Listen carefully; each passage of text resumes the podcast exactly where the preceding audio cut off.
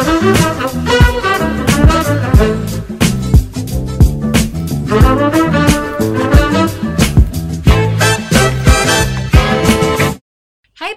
Sehat, selamat datang di Lini Podcast, ngobrol lebih dekat tentang gaya hidup sehat.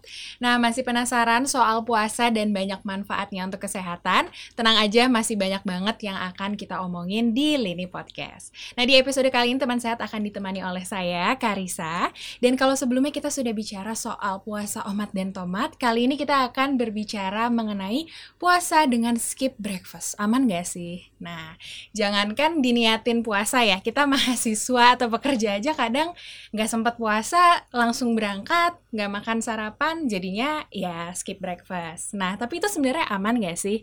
Kita akan temukan jawabannya dan ungkap rahasianya bersama seorang guru besar ilmu gizi FEMA IPB University dan juga ketua umum Pergizi Pangan Indonesia yaitu Profesor Hardinsyah halo Prof. Bagaimana kabarnya hari ini? Kabar baik. Oke. Karisa gimana? Kabar baik juga. Baik. ya sabar untuk ngomongin topik ini bersama. Alhamdulillah ya.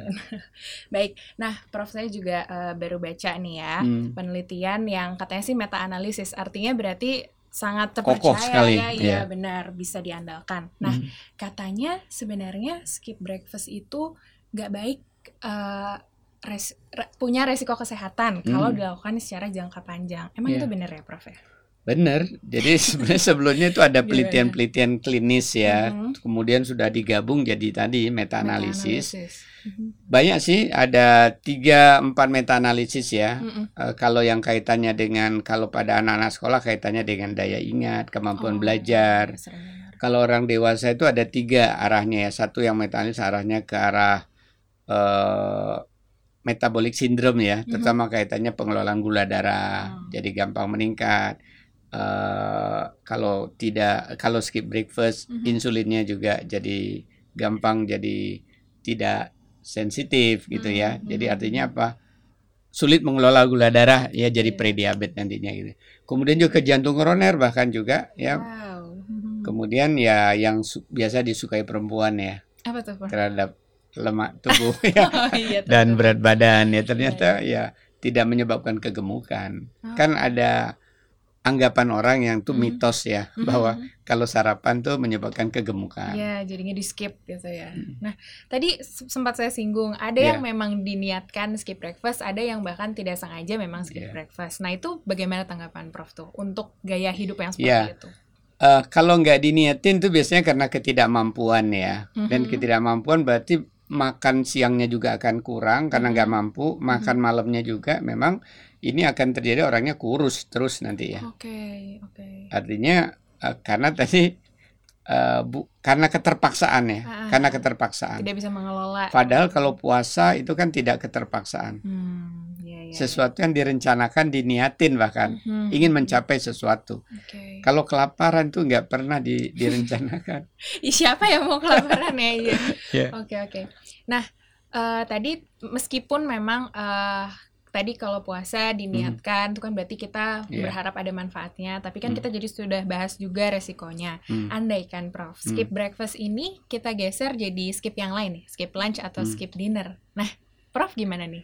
Ya, justru secara saintifik dan juga eh, berbagai eh, kajian ya Mhm. menunjukkan bahwa skip dinner itu lebih baik meskipun para praktisi yang melakukan eh, skip breakfast lebih praktis gitu ya. Oh ya. Nah, jadi mudah. ini Hmm. conflicting nih antara yang seharusnya Mhm. dengan yang eh, Lebih gampangnya. Sebenarnya penting tergantung kita mengelola gaya hidup kita ya. Iya, iya. Kalau kita biasa tidur larut malam, Mhm. kemudian biasa menunda makan siang, akhirnya menunda makan malam. Makan malam jadi jam 8, jadi jam Oh, 9. hah. Ya, apalagi makan malamnya besar, pastilah pagi hari masih kerasa kenyang. Iya. Tapi iya. kan ini karena lifestyle-nya salah, Iya, bukan sarapan benar-benar. itu salah. Iya, iya, iya benar-benar. Ya, pasti dia akhirnya nanti brunch jadinya ya. Aha. jam 10 akhirnya Mhm. gitu kan atau ditunda lagi jadi makan siang. Jadi domino efek gitu ya? Iya, jadi oke. Tidur telat itu udah nggak healthy kan. Aha. Makan malam telat juga udah nggak healthy. Mhm. Akhirnya sarapan ditunda ya udah nggak healthy juga meskipun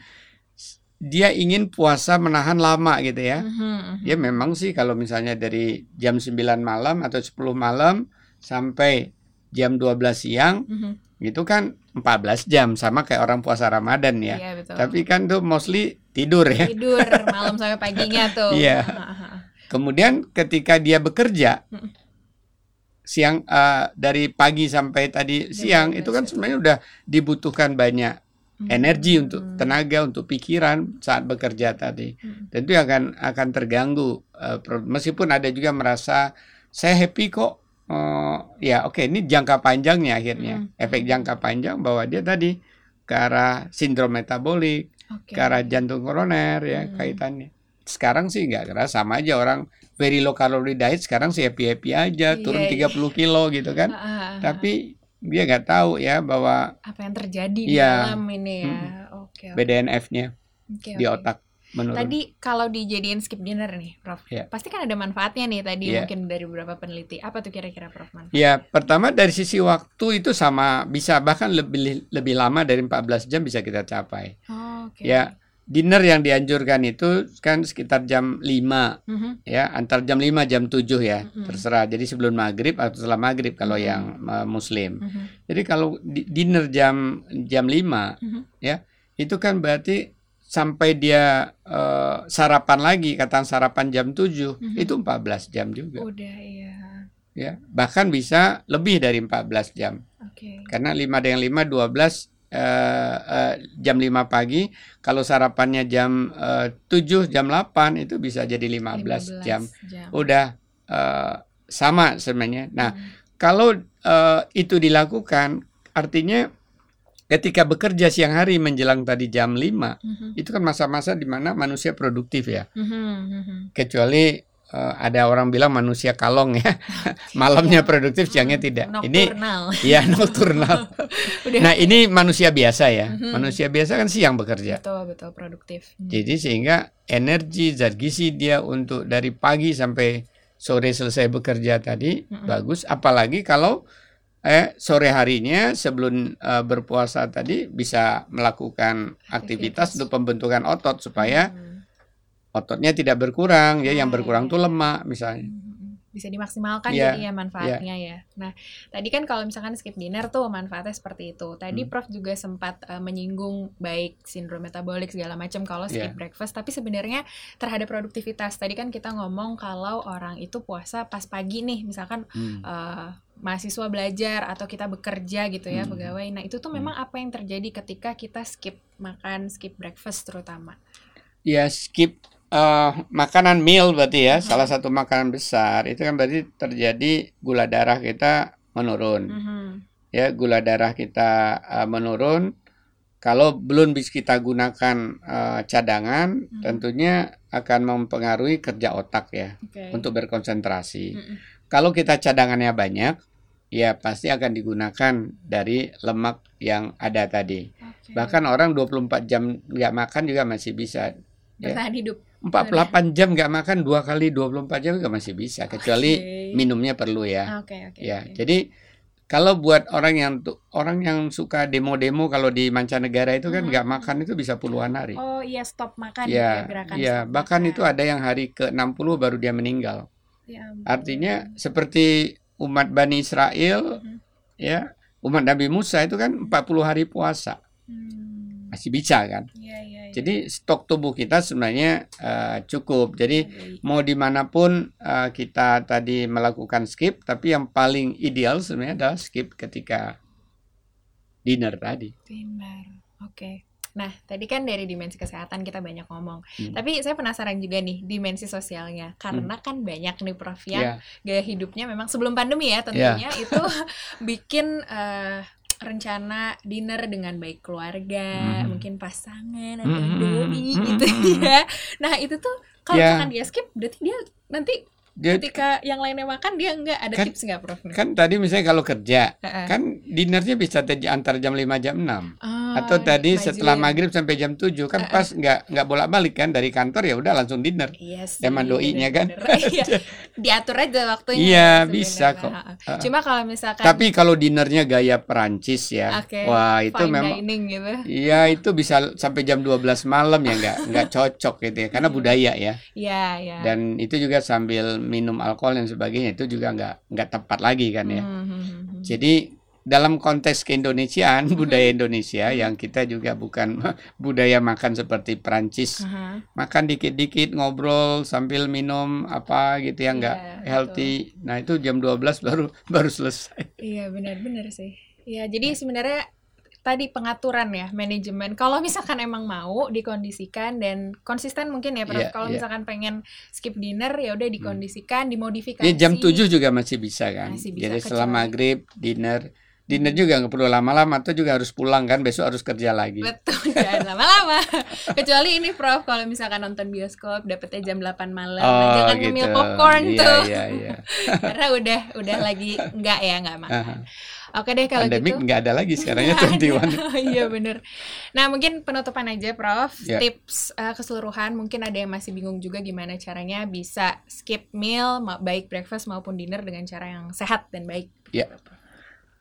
Ya, breakfast itu salah satu bagian dari uh, meal time atau makan yang memang uh, penting. Banyak bukti ya yang sangat meyakinkan baik itu dalam kaitannya dengan daya ingat, pentingnya breakfast, pentingnya breakfast dalam uh, mengelola berat badan, tidak akan menyebab kegemukan, pentingnya breakfast dalam hari tadi mencegah sindrom metabolik atau mengelola gula darah dan insulin kita juga ngelola kolesterol dan juga dalam rangka mencegah dalam jangka panjang loh 10 20 sampai 30 tahun itu kajian menunjukkan dia bisa mencegah juga jantung koroner ya.